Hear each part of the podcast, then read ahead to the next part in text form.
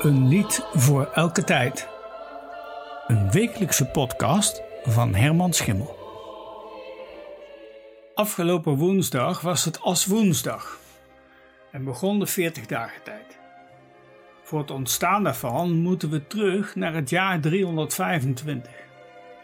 In dat jaar zaten de christelijke bisschoppen bij elkaar voor het concilie van Nicea.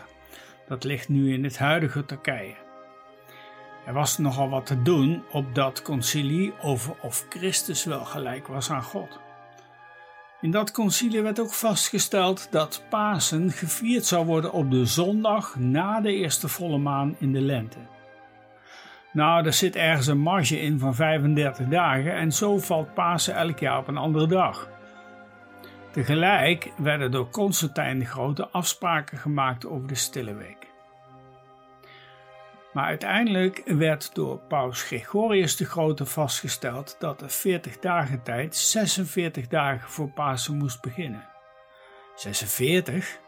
En waarom heet het dan 40 dagen? Nou, dat komt nou omdat er op zondagen niet werd gevast. En zo bleven er tussen Aswoensdag en Pasen 40 dagen over om te vasten.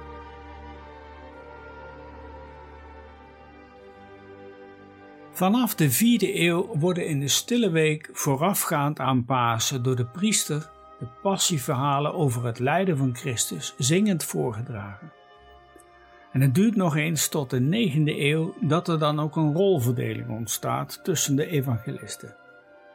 Zo komt Matthäus aan bod op Palmzondag, Marcus op de woensdag, Lucas op de Witte Donderdag en Johannes op de Goede Vrijdag. En vanaf de 12e eeuw komt er nog een rolverdeling. De diaken zingt de evangelist, de priester van dienst zingt de woorden van Christus en de subdiaken zingt de andere rollen, zoals Petrus, Pilatus en de maagd.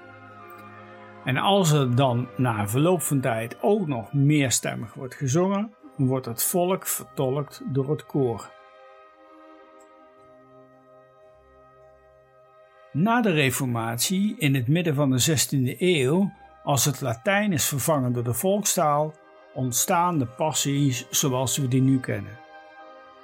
En omdat het in de liturgische setting is, mogen de kerkbezoekers de koralen zingen. De komende zes weken wil ik je graag laten kennismaken met passies van andere componisten dan de bekende passies van Bach. We beginnen met de eerste evangelist Matthäus.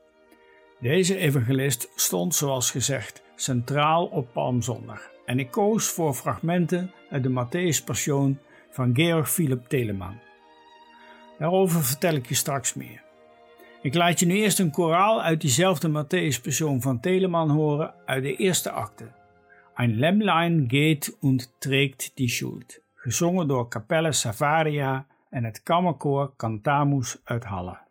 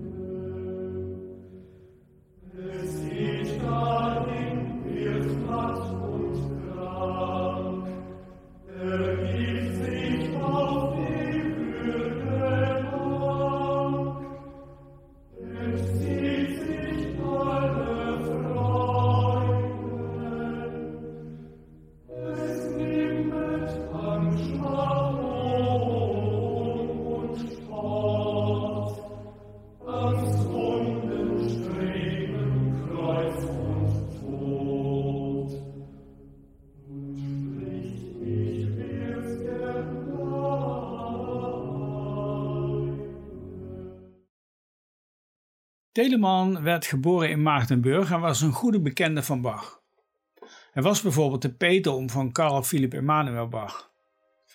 We weten niet zoveel over de inhoud van hun vriendschap, maar ze zullen ongetwijfeld als vakgenoten over hun muziek gesproken hebben en Telemann was wel een groot bewonderaar van Bach. Zijn laatste levensjaren slijt hij in Hamburg en hij was tijdens zijn leven de beroemdste levende componist en muzikus in Duitsland.